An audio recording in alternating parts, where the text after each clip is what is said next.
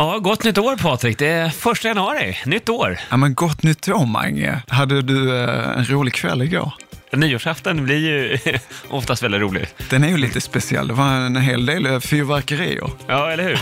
Ja, en hel del av det, det mesta brukar det vara på eh, nyår. En, också, ska vi säga, en, en afton som ofta kanske är lite överskattad. Många har väldigt, väldigt höga förväntningar, så det, det finns ju lite fallhöjd också om det inte infrias. Men eh, Ja. de flesta brukar ju ha trevligare än en vardag i alla fall.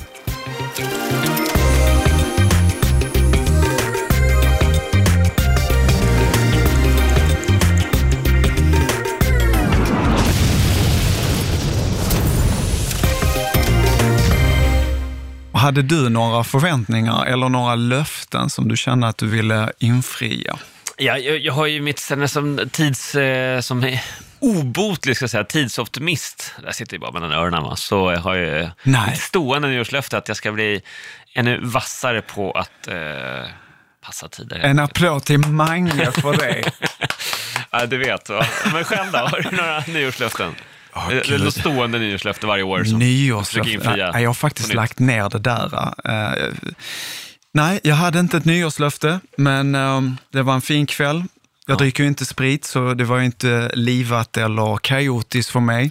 En massa mat. Massa mat, ja. Ja. Men du, apropå mat, idag, första januari, så är det ju den dag på året då det säljs absolut mest pizza av alla 365 dagar. Vet vi hur många pizzor det är som säljs i Sverige den här dagen? Ja, nu hade jag hade kollat den Men siffran. det är många. Ja, det, det är otroligt många. Jag vet bara att det är den, eh, ja, det är den dag på året där det säljs absolut mest eh, pizzor och pizzerinas eh, bästa dagskassa helt enkelt. Men eh, Galet. Varför? Vad, det kan man vad, är orsaken till det? Ja, det, det är väl liksom tradition, tror du inte det? Det är dagen efter. De flesta har haft eh, väldigt kul igår, behöver lite fett och salt för att och, eh, återställa balansen i kroppen på något sätt. Så man är bakis och då blir det pizza som blir alternativet.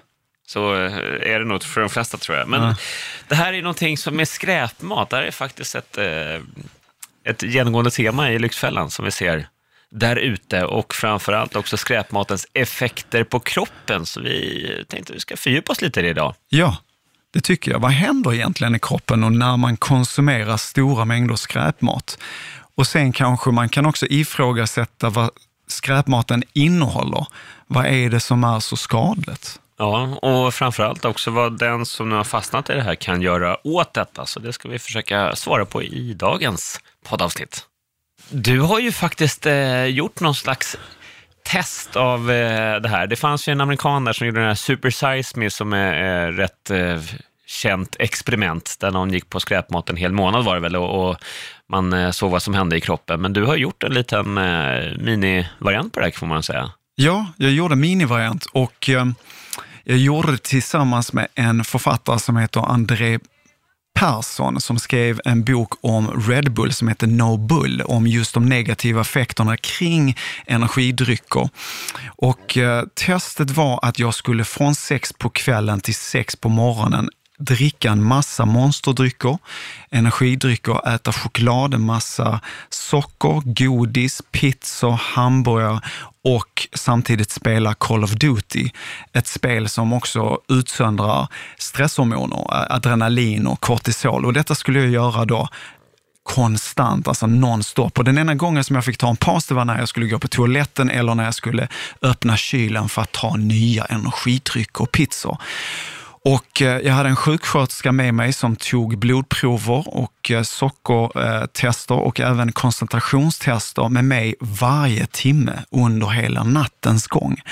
Och det var lite intressant att se faktiskt vad som hände med mig. Men berätta, vad, vad, vad hände i kroppen? Eh, Utgångsvärdet var att du, du var mätt och belåten och, och utsövd sådär, eller? Jag var är liksom- utsövd och jag känner, jag, jag är ändå en människa som ändå tar hand om mig. Det skulle jag vilja påstå. Dricker smoothies och tränar regelbundet. Nu är jag 40 år plus, va? så det är klart att min kropp kan ju inte anpassa mig. Så när jag gick in för att äta den här typen av mat, det var ju kat- katastrofalt. Alltså. Jag fick ju sådana otroligt höga insulinhöjningar, eh, märkte man när den här sjuksköterskan tog de här eh, blodproverna och eh, sockertesten på mig, som gjorde att jag föll ner i en eh, nästan ett depressivt tillstånd. Alltså jag var jättetrött, eh, okay. hade svårt att fokusera mig, koncentrera mig, eh, mådde extremt dåligt, var, var nära på att spy vid många tillfällen. Så det var verkligen så här upp och ner, kurvan var inte stadig. Men, men hur, eh, jag tänkte, hur visade det sig i spelet och påverkar ditt spel? För många som sitter mm. på nätterna och spelar så är det ju tänker jag att de eh, tar en massa sån här lite snabbt socker och snabb energi för att eh, vässa sig lite eller man börjar nicka till lite så, så vill de ha ny energi och, och mm. kraft eller koffein. Då. Ja, man kunde känna en högliknande känsla i början när sockret eh, kommer in i min kropp och även den typ mängd av koffein, vilket var enorma mängder. Eh, så jag fick ju en förhöjd koncentrationsförmåga. Jag känner mig väldigt alert och nästan dampig eh, stundtals, eller stundvis. Och, men därefter så blev det ju efter ett tag sådana dippar som jag trillade ner i som gjorde att jag blev trött och hängig och kunde knappt koncentrera mig. Och ju längre in på natten som du kom så hade, du väldigt, eller hade jag väldigt svårt att fokusera och koncentrera mig. Så jag spelade ju på nätet ett krigsspel och det, i slutändan blev det att jag attackerade mina egna eh, spelare som var i mitt okay. lag för att jag var, var eh, helt wasted. kunde inte urskilja vem som var på min sida eller motståndaren. Och sen då sex på morgonen så skulle vi åka en taxi ut till TV4-soffan. Jag hade inte sovit någonting, var ipumpad med energidrycker och eh, all den här skräpmat och var tvungen att genomföra den här intervjun. Det var det var knappt att jag kunde eh, vara kvar sittande och ta emot den här intervjun. Okej, okay, men det är ju intressant. Har du ju känt liksom på, på egen hand vilka, vilka effekter det här får? Sen är det klart att... Det tog mig tre det, dagar att återhämta mig. Tre dagar? Tre ja. dagar för att jag ska kunna få tillbaka en, en normal sömnrutin. Och jag, när jag kom hem så spydde jag. Okej. Okay. det, Men det var av allt tänkte både koffein och... Eh, Koffeinet, sockret, skräpmaten. Min kropp var inte van. Och återigen, jag är ju 40 år plus så att min kropp kan ju inte kanske balansera eh, på samma nivå som unga människor kan göra. Men det, men det är inte hälsosamt även för dem. Så är det, men jag tänker för, för din del blev det ju en chock för kroppen yeah. rent fysiskt. Jag yeah. tänker för många av dem som eh, vi sätter på eh, Lyxfällan, eh, ja, i Lyxfällan-vardagen mm. så har det här pågått under en längre tid och det kanske kommer gradvis och att man mm. liksom har vant kroppen och, och då snarare tycker sig ha ett behov av att jag måste ha en energidryck direkt på morgonen ja. för att kunna starta dagen, ungefär som många människor har med en kopp kaffe på morgonen. Just det. Och sen byggs det där på att jag måste ha mm. socker liksom för att hålla sockernivån uppe. Mm det finns många deltagare som vi har varit på som, som har det som ett livselixir, liksom, att ha ett fullt godisskåp där hemma. Annars är det nästan panik, fullständig mm. panik. Och all, det är nästan lika starkt som ett, ett nikotinberoende av snus eller cigaretter. Det, är, att det, det här sockerberoendet som bara måste det är ett beroende. Och jag, och jag pratar ju väldigt mycket med min kollega Bitten som har skrivit den här boken om sockerbomben. Och hon är ju väldigt tydlig med budskapet att socker är faktiskt till och med starkare än kokain. Om man nu skulle titta i form av hur hjärnan påverkas av den här typen av skräpmat. Eh, och det är ju hemska saker som vi, som, som vi påverkas av. Och det är klart att kroppen kan ju normalisera även skräpmat, men det betyder inte att blodvärdena eller att vi inte blir beroende, utan det blir vi utan belöningshjärnan, som vi återigen kommer konstant tillbaka till, är ju att vi får en stark dopaminutsöndring när vi tar i oss socker, eh, snabba kolhydrater. Eh, så tänk på det när ni äter pizzan här idag. Det kanske är det är okej, okay. självfallet. Första januari, dagen efter nyår, ett nytt år, du är bakis. Man behöver salt. Men just att göra det kontinuerligt så är det ju inte bra för kroppen. De flesta nyårslöften börjar väl eh, verka från den andra januari, eller första vardagen, och andra, tredje januari. Inte så. Första januari brukar vara en sån där eh, en liksom eh, invisible day i kalendern helt enkelt. Att den, den dagen så eh, ja, är det okej okay att inte göra någonting. Den är parentes. Ja. Man men, exkluderar det. Men det, det där tycker jag är viktigt rent psykologiskt också, att man någonstans bestämmer sig om det nu är till exempel idag då, nyårsdagen, att eh, man bestämmer sig innan att ja, okej, okay, det är fest eller middag, ska träffa en massa goda vänner på, på nyårsafton, att man bestämmer att nyårsdagen, den är liksom en eh, så, en frizon, få äta, få sova och äta hur du vill eh, den dagen. Och att man faktiskt då också tillåter sig det och njuter av det utan att få dåligt samvete och så vidare. Just det. Men på samma sätt som man tillåter sig de extravaganserna eh, någon gång ibland, så är det också viktigt att man inte faller dit för det här suget dag ut och dag in. För det ser vi väldigt många av våra, våra deltagare som egentligen hela tiden faller för impulsen eller låter den eh, socker eller sötsugsimpulsen styra, eller snabbmatsimpulsen eller pizzaimpulsen styra eh, i vardagen. Och, Och det är är ju- en helt annan sak. Det är ju som en, en fysisk abstinens. Eh, Du har ju en hjärna som är van att varje dag få någon typ av stimulans av dopamin och det här belöningshjärnan som du får genom socker och liknande. Och får du inte det här dagliga behovet som hjärnan är van vid, ja men då kommer det att dyka upp en fysisk abstinens som säger till dig att du måste ha det här. Du måste ha den här energidrycken eller du måste ha den här pizzan eller hamburgaren. Och det där är ju någonting som vi måste tända av. Alltså vara avhållsam en period för att vi ska kunna få den här hjärnan att komma tillbaka till sitt naturliga tillstånd, att vänja sig med att äta långsamma kolhydrater eller att eh, undvika snabbmat genom att äta kanske mer antioxidanter, grönsaker som kanske i början kroppen vill bara spy ut av för att den är van med all den här processade maten och sockret. Så det är, det är tufft, men det är precis som med andra typer av missbruk, det är en abstinens. Men det är svårigheten också att komma eh, till rätta med det är många gånger att det är så enkelt, de här andra lösningarna. Att eh, kommer hem på kvällen efter jobbet, du är trött, du är vrålhungrig Ja. och så kanske det ligger, eh, ja, men någon kanske har en pizzeria som ligger 100 meter bort från porten där man bor. Då är det klart att det är väldigt, väldigt lätt till hands att du tar med en sån och så får du det här begäret stilla på en gång, en rykande varm och så blir du mätt och belåten och glad. Så Ja. kanske får dåligt samvete i efterhand, men just när du har den där hungern och eh, så känner du att ska jag gå till mataffären, handla någonting och laga något vettigt med långsamma kolhydrater, det är ju liksom väsensskilt från den här snabba tillfredsställelsen och det är väl där också svårigheten ligger. Ja. Det handlar om planering. Du måste planera, för att om du hamnar i ett sånt här impulstillstånd där du är hungrig, precis, då, då är det väldigt lätt hänt att du halkar dit. Och det är en överlevnadsstrategi som vi har. Vi är hungriga så vill vi ta till oss den lätta, snabba, enkla lösningen. Exakt. Så du har ju rätt i det. Och därför behöver man ha någon typ av disciplin att eh, kanske förbereda, göra lunchlådor som man har hela veckan så att även när du väl har den impulsen och är hungrig så har du den här lunchlådan för du har redan gjort den. Du behöver inte lägga en extra timme till exempel. Men återigen, jag tror att det är väl en röd tråd som visar hela tiden i Lyxfällan. Allting ska vara här och nu. Det ska vara genvägarna, det ska vara kortsiktigt. Man tänker aldrig oftast på det här med uthållighet, tolerans, tålamod, att planera, ta ett ansvar, disciplin. Du tillåter, tillåter dig att göra allting alltid. Så fort du får ett begär efter någonting så faller du för det begäret varje gång istället för att någon gång stålsättas och säga att nej, fast vet du, nu är det tisdag, jag har bestämt mig för att inte Ja, köra snabbare, eller jag ska inte äta socker nu. Och att faktiskt eh, också se till att man bestämmer sig för någonting som man håller och som man sen också kan vara stolt över den prestationen. Men faktum är att nu har jag hållit mig en vecka här. Det var inte så farligt och då, redan då börjar det faktiskt hända fysiska saker i kroppen som gör att det här suget börjar avta lite. Ju. För det, det går ju ganska snabbt och det vet man ju själv. Det kan vara så, jag menar, om man äter väldigt bra kost så blir man inte sugen på skräpat, men när man äter sämre mat, jag menar, vi är mycket ute på resa så det är inte alltid så lätt att eh, få tag i vettig mat och då kommer oftast det suget på ett annat sätt.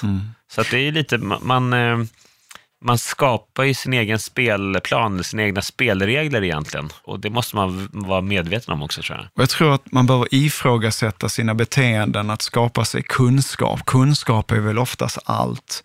Och lite grann som du säger, att det finns ju eh, långsiktiga effekter om du slutar äta skräpmat som är positiv. Till exempel du får mindre huvudvärk. Processad mat innehåller ofta nitrater som kan orsaka migrän redan efter bara 20 minuter. Eh, och även att magen mår bättre av att sluta skräpmat. Vi slipper suget, du går ner i vikt, du sover bättre, eh, du orkar mer och du får mindre ledvärk också på grund av att processad mat gör ju att vi får kemikalier som leder till inflammation och ledvärk. Och även immunförsvaret förbättras. Så tänk om man vet om att de här sakerna kommer du få om du slutar äta skräpmat. Då kanske det byggs en motivation, en drivkraft till att faktiskt börja, börja planera och laga den här lunchlådan. För att din hjärna kommer ju, precis som du var inne på, att vänja sig vid att äta den typ av mat. Men i början så kommer ju hjärnan att skrika. Mm. Ge mig socker, jag vill ha pizzan, jag vill ha kebaben, jag vill ha monsterdrycken. Jag tror att de flesta människor idag trots allt är så pass upplysta att de vet att jag borde inte äta så här mycket socker eller borde dra ner på det här. Det hör man ju men alltså, ungefär som alla som röker vet att de, det vore bättre för kroppen att ja. inte röka, sen kanske de väljer att göra det ändå. Mm. Men de känner till de här positiva effekterna om man förändrar livsstil. Hur kommer det sig att det är så otroligt svårt för de allra flesta att faktiskt eh, lägga om kosthållningarna? Kanske brist på på tro att de kan göra den här förändringen, att de har kapitulerat, gett upp. Det kan vara en dålig självkänsla som känner att ja, men jag struntar i det här, utan jag, har hamnat i den här onda cirkeln. Det är ju någonting återigen som vi ser hela tiden med, med att eh, en dålig självbild eller en dålig självkänsla som tänker att ja, men, det kvittar om jag är överviktig, det kvittar om jag, om jag röker eller snusar eller spelar eller äter skräpmat. Herregud, kolla på den här högen, vad jag har. Mm. Så vadå, om jag tar bort skräpmaten så kommer det ändå finnas den här högen. Den här uppgivenheten. Och det, ja. det kan vara det, men det behöver inte vara det. Miljön tänker jag är också viktig. Jag menar, vad är det vi utsätts för när det gäller reklam? Vi har pratat om det tidigare, när vi ser skräpmat hela tiden, eh, snabba kolhydrater och samtidigt, när är det vi som individ ska bestämma vad vi ska äta och hur mycket är det vår miljö påverkar oss? För jag tänker också att det är många som har det som en tröst, att det är ett skräpmaten eller godiset eller eh, energidrycken blir som en någon slags mental snuttefilt. Ja. Ja, mycket i livet som går emot mig just nu. Ekonomin är dålig kanske, en dålig jobbsituation, relationen börjar ja. knaka lite. Men jag har i alla fall min, får jag min chipspåse eller får jag mitt favoritgodis, då är livet lite härligt för stunden i alla fall. Just det, att, för stunden. Ja, men att många hamnar i någon slags mental eh, paus från alla problemen då. Ja. En del tar till alkohol, en del tar till yoga, en vissa del tar till godis, vissa röker. Får den här, ja, den här ja. pausen eller flykten från från verkligheten, eller de, eh, de riktiga problemen som man borde ta tag i. Men istället så flyr man lite kort och får njuta för stunden. Och vi, och vi skjuter fram ansvaret, eh, vårt riktiga liv, alla våra känslor, vi skjuter fram det. Men det är som att vi målar in oss i ett hörn. Vi blir överviktiga, konsekvenserna kommer komma förr eller senare, om inget annat när man tittar på blodvärdena eller det som jag nämnde, ledvärk, diabetes, grova konsekvenser på grund av den här mm. typen av skräpmat. Och det är ju återigen, det är en drog utifrån hur vi ser att den faktiskt påverkar vår belöningscenter. Så att ibland så har vi förlorat viljan. Det är hjärnan som bestämmer. Vi har ingen kontroll, utan vi bara kör på det som kroppen säger till oss att vi behöver. Att vi är liksom passagerare i vår egen eh, kostutveckling. Vi måste utstå abstinensen om vi ska bryta det här. Alltså att börja med det nu efter pizzadagen och gå in i det nya löftet kanske. Ja, varför inte? Men någonstans är det väl så också, det, som med det mesta annat när det kommer till ekonomi eller relation eller vad som helst, att hitta någon slags balans som eh, funkar över tid. Mm. Vilket att man, eh, det betyder inte total avhållsamhet från allt mat som är dålig, utan ibland kan man ju unna sig. Eh, men då ska man ha gjort sig värd. Att unna sig ett extremt missbrukat begrepp i dagens värld, tycker jag. Eh, där man unnar sig allt hela tiden utan att faktiskt förtjänat det. Och eh, just när det gäller sådana här saker, om man nu är sugen på det. Jag, jag kan själv vara sådär, jag är personligen då inte alls så mycket för sötsaker, utan snarare för salta saker. Då. Mm, mm. men då kan jag ibland var så, gillar ju Bond till exempel. Och så, ah, men det är Bond-film på söndag för klockan nio, vet, barnen har somnat och bara sätter sig med en chipsskål En och, och eh, dill-dipp är min Dill-dipp, favorit. ja. Lite Ja. udda, det är inte många som förstår Nej, den. alla gillar ranch och de här andra. Nej, ska det vara, då är det liksom dill. Men då kan jag ibland ladda, alltså, säga att ja, men om, om eh, nästa söndag, så är det, då kan jag ladda redan på tisdagen, så här, på söndag kväll, vet, när det är lugnt, så sätta sig där, kolla en Bond i min egen lilla värld, så med en chipsskål. Just och då kan jag liksom ladda för hela veckan. Ja. Sen när det där tillfället kommer, klockan är liksom nio, är det dags att kolla filmen där på söndagskvällen, då kan nej, fast jag är inte sugen på det nu. Och jag kan bli så riktigt besviken på att jag inte har suget efter det då. Nej. Det kanske låter som ilandsproblem, vilket det då antagligen är. Men eh, ibland kan jag liksom mentalt eller förberett mig på det. Och i min värld så tycker jag i alla fall att det eh, funkar rätt bra, för då, då blir det väldigt, eh, det blir någon slags belöning om du har varit sugen hela veckan Ja. och avhållit dig från att falla dit. Men sen när det väl då, nu är den där slotten där jag faktiskt får käka den här. Då är, då är du inte ens intresserad? Då är jag inte intresserad. Nej. Jag kan, Wow. så att, mentalt besviken, men eh, fysiskt bra ju. Wow, okej. Men det händer väl tillfällen ändå att chipsskålen finns där och du... Jag, ibland har jag liksom nästan tvingat mig, men nu ska jag banne mig njuta av det här. Jag, sen, jag har ju varit duktig hela veckan, så ska, nu ska jag ha min belöning, så fast jag inte riktigt njuter av det på samma sätt. Då. ja. Så det kanske Det är lite intressant för omvänd problematik. jag menar, ja, och, och, och jag tyckte själv att jag ville behöva gå igenom en förändring. Så jag har ju själv eh, det som kallas för en periodisk fasta där jag har ett matfönster från klockan 12 till klockan 8. ja, du har kört i ganska många veckor nu. Hur många veckor är det nu? Jag tror det är över två månaders tid som jag dels kör det här periodiska fastan att eh, när jag äter så får jag bara äta från 12 till klockan 8 på kvällen. Och när jag väl äter så är det enbart fett. Så 70 procent av min, min, mitt kostintag ska vara fett, vilket innebär majonnäs, bearnaisesåser, feta köttbitar, avokado, fisk, vad det nu än är. Det ska vara fett. Och sen 25 procent eh, protein och 5 procent kolhydrater. Och jag har ju gått ner 5 kilo. Varför gör jag en sån grej, kanske du undrar Mange? Mm, det undrar jag verkligen. Jag tror att många med mig. Sitta och äta fett och sen fasta om vartannat. Jag kände, dels upplevde jag att jag hade några kilo på nacken. Det, det, det måste jag vara ärlig Men faktum är att jag var alltid trött på dagarna. Efter lunchen så ville jag ta en tupplur och även på efter, senare på eftermiddagen så var det detsamma. Jag kände att jag hade sådana insulinhöjningar som gjorde mig trött ofta. Och jag ville bli av med det. Och jag började göra massa research och det var faktiskt många som rekommenderade. Och jag är lite grann där allt eller inget människa. Det- skulle kanske räcka med en periodisk fasta, men nu gjorde jag en periodisk fasta och den här LCHF-dieten. Har du kollat om det faktiskt är nyttigt och bra att göra samtidigt? Jag eh, har hört på omvägar att det är helt okej, men ehm, Men kan vara livsfarligt. Jag, jag mår okej och jag sover bättre. Jag känner mig så koncentrerad och mer fokuserad. Men eh, faktum är att jag självklart jag ska ju gå och titta mina blodvärden.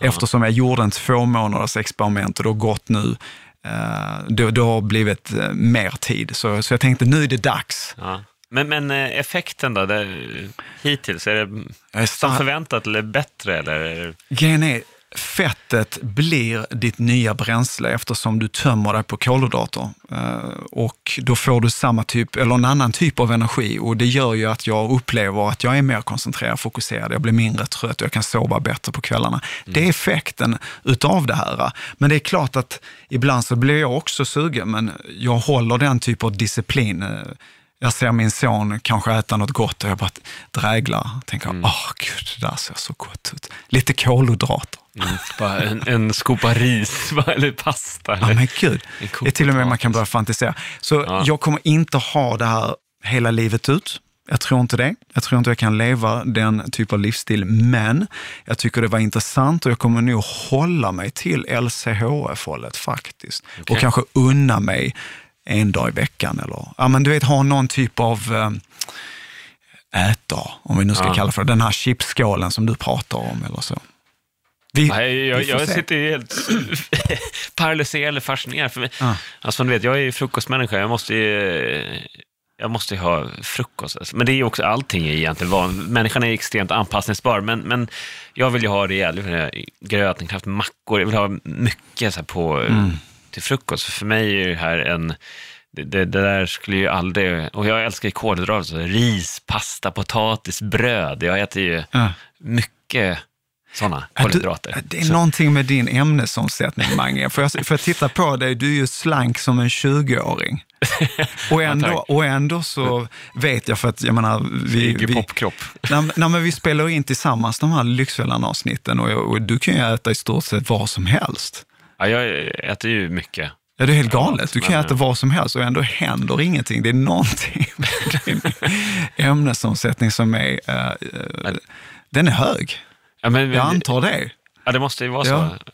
Men eh, jag förbränner ju rätt mycket, eller rör mycket. Men jag tänker, så, jag, jag skulle ju aldrig, alltså bara det här um, periodiska fastan, jag, Mm. jag är, mår ju psykiskt dåligt, bara jag hört talas om det. Jag skulle, bli, jag skulle få ont i huvudet, jag skulle bli trött. Ja. Och tänker det... Det blev ju också i ja, det början. Ja, men det blir, för Ja. det blir ju fascinerande när du berättar om det eftersom du säger att men jag ville få mer energi, jag blev trött, så då äter jag ingenting för att få mer energi. Så i, i min värld så blir det motsägelsefullt, men även om jag vet att det rent medicinskt faktiskt finns belägg för det. Verkligen. Och de säger också att går man in i en periodisk fasta så ser man till och med att man ökar växthormoner och eh, många andra positiva effekter. Men Ja. precis som det du säger, jag var ju skeptisk i början när jag skulle påbörja det här och kände ah men gud, det här funkar inte. Jag hade huvudvärk, var trött och gick in i någon typ av zombieliknande tillstånd. Men det var något helt magiskt sen. Jag fick en sån euforisk eh, känsla, energi och kraft som, som, som var faktiskt positiv. Um, så återigen, jag gjorde det, ett test, experiment. Eh, jag snackade även med Magda, hon sa, och och jag menar, hon tränar mycket, hon vet också mycket om kost och så. så hon sa, nu, nu, nu får du ta och sluta Patrik och, och jag ska göra en utvärdering. Jag ska gå till en läkare och höra vad de säger. Men det var kul. Eh, och både positivt och jag har också haft perioder även där jag känt, jag, jag kommer in i någon typ av svacka där jag bara dräglar efter någon typ av pizza eller hamburgare. Det är väl helt mänskligt. Ja, jag att någon gång ibland. Ja, eller hur? Ja, men så är det. Men eh, jag tänker, för vi ser på våra deltagare liksom att det är många som, där den här skräpmatens effekter, eller det är väl mycket, men framförallt skräpmatens effekter skulle jag säga, visar sig rent fysiskt också i utseendet. Ja. Eh, Och då tänker jag, eh, men sådär, i ansiktet, många av dem vi, när vi ringer på dörren första dagen under Lyxfällan vecka, så eh, ser man bleka, mörka under ögonen, lite håglösa, lite nästan glans... Blanka. Blank, ja. Ja. precis. Att det, att det får verkligen fysiska eh, tecken så. Och sen är det självklart att det kan påverka med det psykiska måendet, om man är pressad av den ekonomiska situationen, ångest, det kanske är relationsproblem, allt det här naturligtvis Det hör ihop. bidrar ju, det hänger ihop allting. Men det vi kommer till också är att eh, när vi då kommer tillbaks eller får träffa de människorna efter en månad och de som verkligen har gått in för och faktiskt lagt om livsstil, både ekonomiskt men Laga oftast då även, precis, även kostmässigt. För det, det är ofta den här förändringsprocessen kopplar ju på andra delar i livet också som, som antingen ger då i det här fallet bra ringa på vattnet, men eh, som på samma sätt har gett dåliga ringar på vattnet innan. Ja. Och vilken skillnad, det är en helt annan lyster i huden, eh, en helt annan uppsyn, jag sover bättre, att alla de här delarna hänger ihop och att kosten är en riktigt, riktigt viktig del av välmåendet. Verkligen. Jag läste någonstans träningstidning, ja, vi diskuterade det vid något tillfälle här, hur, hur många procent av alltså en träningseffekt om du tränar som faktiskt eh, har att göra med kosten. Att du kan träna hur bra som helst, Hur mycket äter som helst. skräpmat och dricker massa läsk eller massa so- sockerrik mat så kommer inte träningseffekten förstås bli densamma. Och det är en väldigt stor del av träningseffekten som faktiskt eh, härrör till, till kosten. Jag har sett både undersökningar med 50 och 60 procent av träningseffekten, eller resultatet ska jag säga. Verkligen. Inte träningseffekten är fel, men resultatet av träningen, Eh, det resultat man vill ha på kroppen, beror på kosten. Jag har läst likadant och eh, kosten är ju det som är primärt och det viktigaste om man vill se resultat. Jag såg till och med en siffra på att det var 70-30, 70 procent kost, 30 procent träning. Men fetma anses ju idag vara den nya folksjukdomen, trots ändå den här hälsotrenden som ändå råder, framförallt i Sverige om vi nu ska jämföra med USA, eh, självfallet. Och idag så har man sett att enligt vår body mass index, alltså BMI, så anser man att det är 50 procent av befolkningen som är överviktig idag. Det är alltså en skrämmande utveckling. Eh, samtidigt så ser vi att ungdomar är ju överrepresenterade.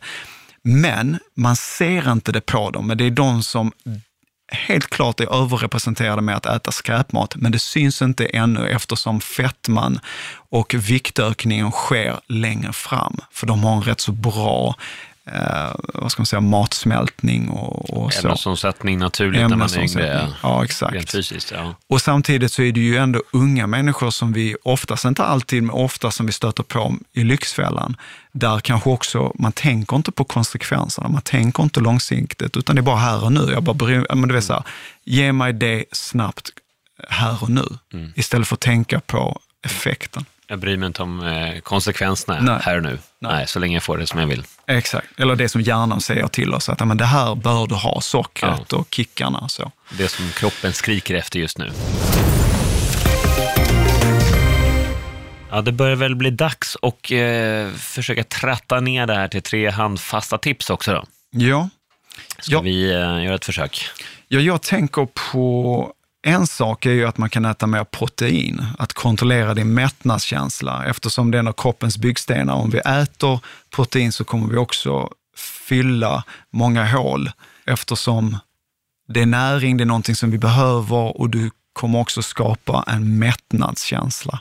Nummer två, jag tycker också det är intressant det här med att så den kosthållningen jag har idag, är jag nöjd med den och eh, är jag beredd att ta de konsekvenserna som den kosthållningen faktiskt ger? Just det. Med andra ord, är det här ett medvetet val? Jag väljer att äta så här dålig mat för jag älskar det, eller det bara blir så för jag orkar inte ta tag i det.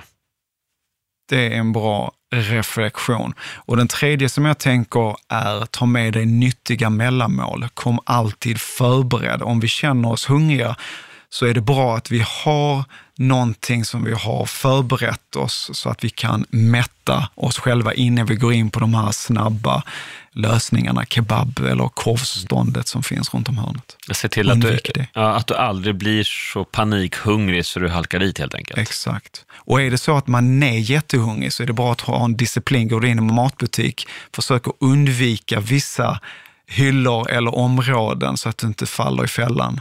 Om du vet var socker eller godissidan är, gå inte dit. Bra. Så nummer ett då, se till att hitta lite proteinkällor för att hålla mättnadskänslan på ett eh, vettigt sätt. Ja. Nummer två, fundera aktivt på den kosthållning jag har idag, tar den mig dit jag vill? Är jag beredd att ta konsekvenserna av det? Eller vill jag faktiskt förändra min kosthållning för att få andra eh, både fysiska och psykiska effekter i kroppen? Just det. Och, och nummer tre. Tredje då, ta med dig nyttiga mellanmål. Kom alltid förberedd. Mycket bra, där eh, hör ni. Det kanske var eh, riktigt tufft och jobbigt att höra om det nu är eh, så att du sitter med en pizza och sätter den lite i halsen. Ja, och gott nytt år på er allihopa. Så, har du frågor till oss eller vill berätta vad du tycker så kan du självklart mejla till oss på Lyxfällan ilikeradio.se. Nya avsnitt av Lyxfällan-podden varje tisdag. Du kan även också se Lyxfällan i TV3, Viaplay och Viafree. Så är det. Där hör ni. Och eh, vi hörs självklart eh, igen som vanligt om precis en vecka med ett nytt ämne och med en ny härlig Lyxfällan-kollega. Ha det gott!